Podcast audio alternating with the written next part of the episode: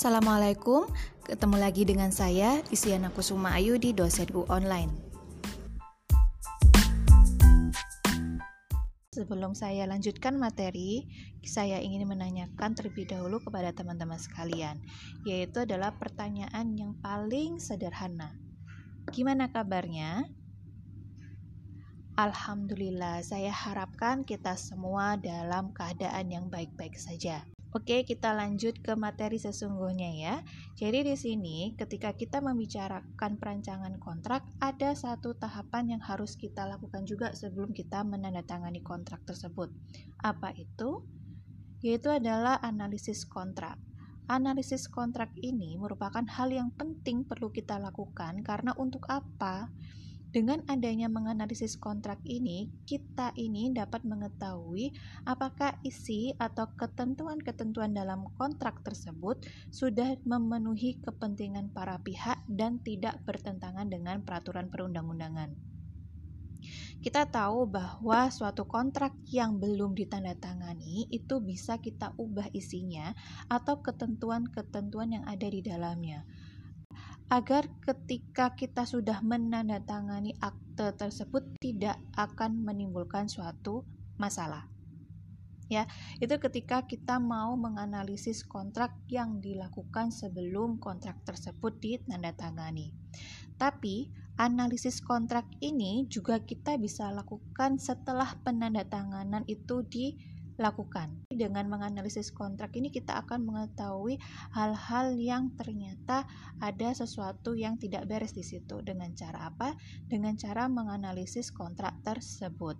Lalu ketika tadi sudah membicarakan tentang apa itu analisis kontrak, memang apa saja sih yang harus kita analisis dalam kontrak itu? Yang pertama adalah kita harus menganalisis terkait tentang komparisi, berarti tentang para pihaknya ya. Lalu berkaitan tentang keabsahan kontraknya. Sah ataukah tidak, dan sesuai ataukah belum.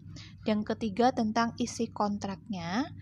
Dan yang terakhir yang kita analisis adalah terkait tentang penyelesaian sengketa. Untuk analisis komparisi, ini adalah analisis pertama berkaitan dengan analisis kontrak.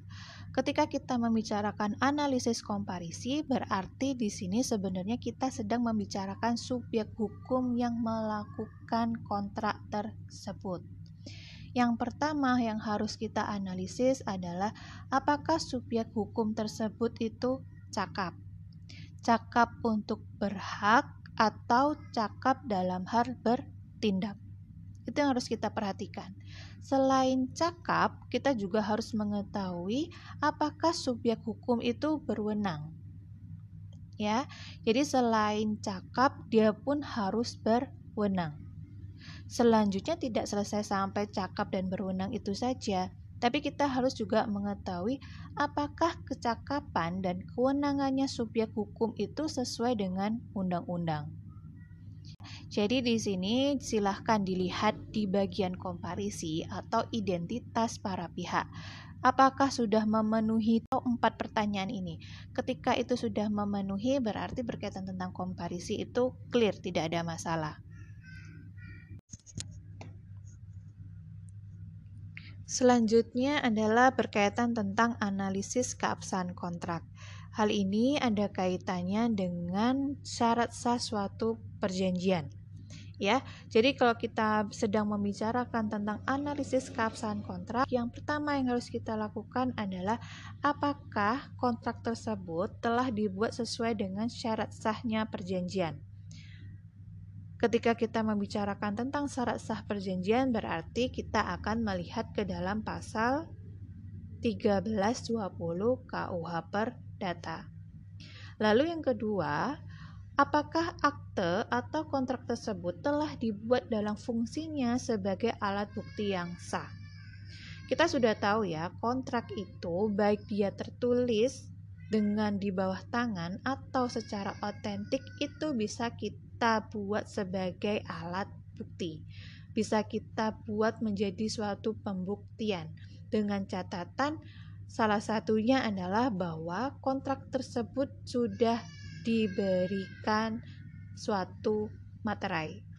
Makanya materai itu memang tidak menjadi salah satu syarat sahnya perjanjian, tapi melainkan ini ada kaitannya dengan pembuktian. Jadi kalau ada akte yang sudah diberikan materai, dia baru bisa sebagai alat bukti.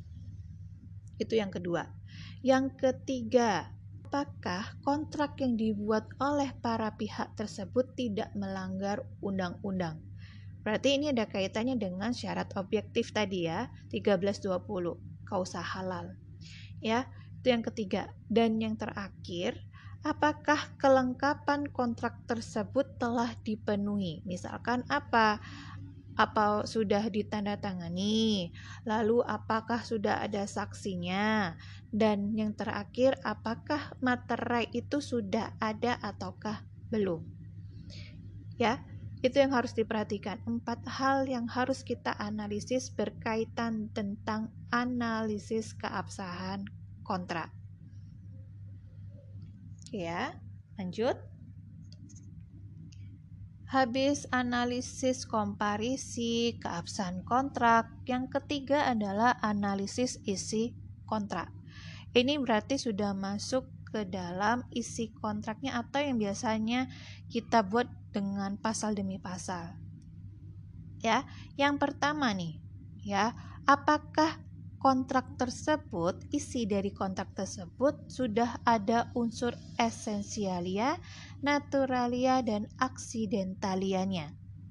Yang pertama, apakah esensialia kontrak yang telah diformulis apakah esensialia kontrak yang telah diformulasikan dengan benar dan tidak bertentangan dengan undang-undang ya. Jadi yang terpenting kita harus tahu kita sedang buat kontrak apa, unsur esensialiannya apa. Misalkan kita sedang membuat kontrak jual beli berarti unsur esensialiannya terkait tentang harga dan barang itu juga harus kita cantumkan di dalam kontrak kita. Itu yang pertama. Yang kedua, Apakah kontrak tersebut cukup untuk mengakomodasikan naturalia yang terkait langsung atau tidak dengan kontrak yang dibuat? Dan bagaimana akibat hukumnya kalau naturalia itu tidak mengakomodasikan eksistensi yang undang-undang yang dimaksud? Ini maksudnya apa? Kita sudah tahu bahwa kalau kita membicarakan unsur essence E, saya ulangi, ketika kita membicarakan unsur naturalia, itu sebenarnya kan udah diatur di dalam undang-undang ya, peraturan perundang-undangan. Ketika itu tidak kita cantumkan di dalam akte atau kontrak kita, berarti kita bisa kembalikan lagi ke peraturan perundang-undangannya. Tapi lebih baik tapi lebih baik ketika kita sudah mencantumkan naturalia, unsur naturalia di dalam kontrak kita agar ada kesamaan suara atau kesamaan kepentingan di antara kedua belah pihak. Gitu. Itu naturalia. Jadi itu ya naturalia itu juga harus kita akomodir di dalam kontrak kita. Jadi, bagaimana klausula aksidentalia yang dibuat dan bagaimana akibat hukumnya jika unsur aksidentalia itu bertentangan dengan undang-undang atau merugikan orang lain. Jadi ini harus kita tulis semua di dalam kontrak kita. Jadi bisa saya katakan yang pertama, kesimpulannya adalah kalau kita sedang ngomongin analisis isi kontrak, yang pertama, apakah sudah ada unsur esensialianya? Itu yang pertama.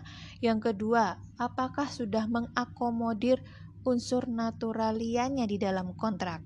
Dan yang ketiga adalah apakah terdapat bagian aksidentalianya? Dan di mana aksidentalia ini tidak bertentangan dengan undang-undang ataupun merugikan orang lain. Dan yang terakhir yang harus kita analisis adalah berkaitan tentang klausula penyelesaian sengketa. Memang terkadang tidak ditulis di dalam perjanjian, khususnya di perjanjian di bawah tangan, tapi ini lebih baik dicantumkan untuk menyelesaikan ketika ternyata ada salah satu pihak yang one prestasi. Jadi di sini kaitannya dengan penyelesaian sengketa, kita sudah tahu bahwa dengan penyelesaian sengketa itu bisa kita selesaikan dengan cara pertama litigasi dan non litigasi. Jadi non litigasi dan litigasi saya rasa tidak perlu saya panjang lebar menjelaskan karena itu sudah ada materi sendiri. Jadi di sini ketika kita memilih penyelesaian sengketa dengan cara litigasi kita harus melihat apakah kompetensi absolut dan relatif pengadilan itu sudah kita tulis dengan benar di dalam kontrak kita. Klausul penyelesaian sengketa ini yang pertama adalah ketika dia memilih litigasi berarti kita harus memperhatikan terkait tentang kompetensi absolut dan relatif pengadilan tersebut. Itu yang harus kita perhatikan. Namun ketika dia tidak memiliki jalur litigasi, berarti ini adalah non litigasi, biasanya dengan lembaga arbitrase itu pun kita juga harus melihat kompetensi lembaga arbitrase yang dipilih. Tapi boleh nggak kalau kita cantumkan aja diselesaikan dengan cara musyawarah kekeluargaan? Itu juga tidak dilarang ya, jadi diperbolehkan saja asalkan kepentingan para pihak itu terakomodir di dalam kontrak kita. Berkaitan dengan klausula penyelesaian sengketa ini, kita juga harus melihat apakah para pihak itu sudah benar dan akurat dalam menyusun klausula penyelesaian sengketa yang dipilih. Jadi misalkan dia sedang sudah memilih lembaga arbitrase, tapi ternyata ada pasal selanjutnya membicarakan tentang pengadilan. Nah, itu kan berarti ada dua hal yang berbeda. Jadi yang pastikan yang pertama adalah cara penyelesaiannya dulu dengan cara litigasi ataukah non litigasi. Baru yang kedua berkaitan tentang kompetensi dari masing-masing lembaga tersebut. Di situ. Jadi ini tadi adalah empat hal yang harus kita analisis ketika kita sedang dihadapi eh, sedang menghadapi suatu kontrak baik yang sudah ditandatangani ataupun yang sudah ditandatangani. Berarti kalau yang sebelum ditandatangani berarti kita ada kemungkinan untuk mengubah isi kontrak. Kalau yang sesudah atau sudah ditandatangani berarti sudah tidak boleh lagi perubahan dari kontrak yang sudah dibuat kecuali ada kesepakatan dari para pihak. Itu nanti akan terpisah lagi dengan perjanjian sebelumnya. Oke di situ ya. Dicari contoh kontrak, lalu coba dianalisis kontrak tersebut. Dari komparisinya, lalu keabsahan kontraknya, bagaimana dengan isi kontraknya, kontraknya. Dan yang terakhir adalah bagaimana penyelesaian sengketanya. Coba ditulis empat poin itu lalu dijabarkan. Nah itu akan mudah untuk memahami bagaimana kita menganalisis kontrak Saya rasa itu adalah materi yang bisa saya sampaikan terkait tentang analisis kontrak. Jika ada pertanyaan, silahkan tulis di kolom komentar di bawah atau melalui forum yang sudah saya buat.